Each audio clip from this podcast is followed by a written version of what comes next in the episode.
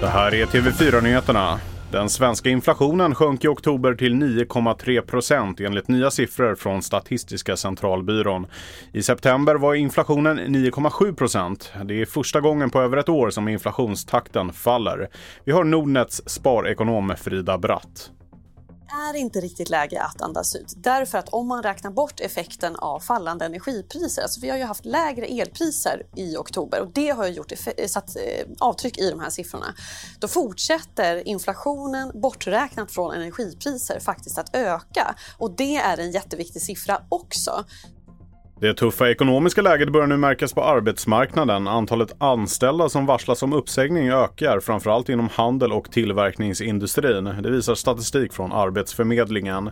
I oktober varslades 5 000 personer och det är den högsta noterade siffran under en enskild månad på två år.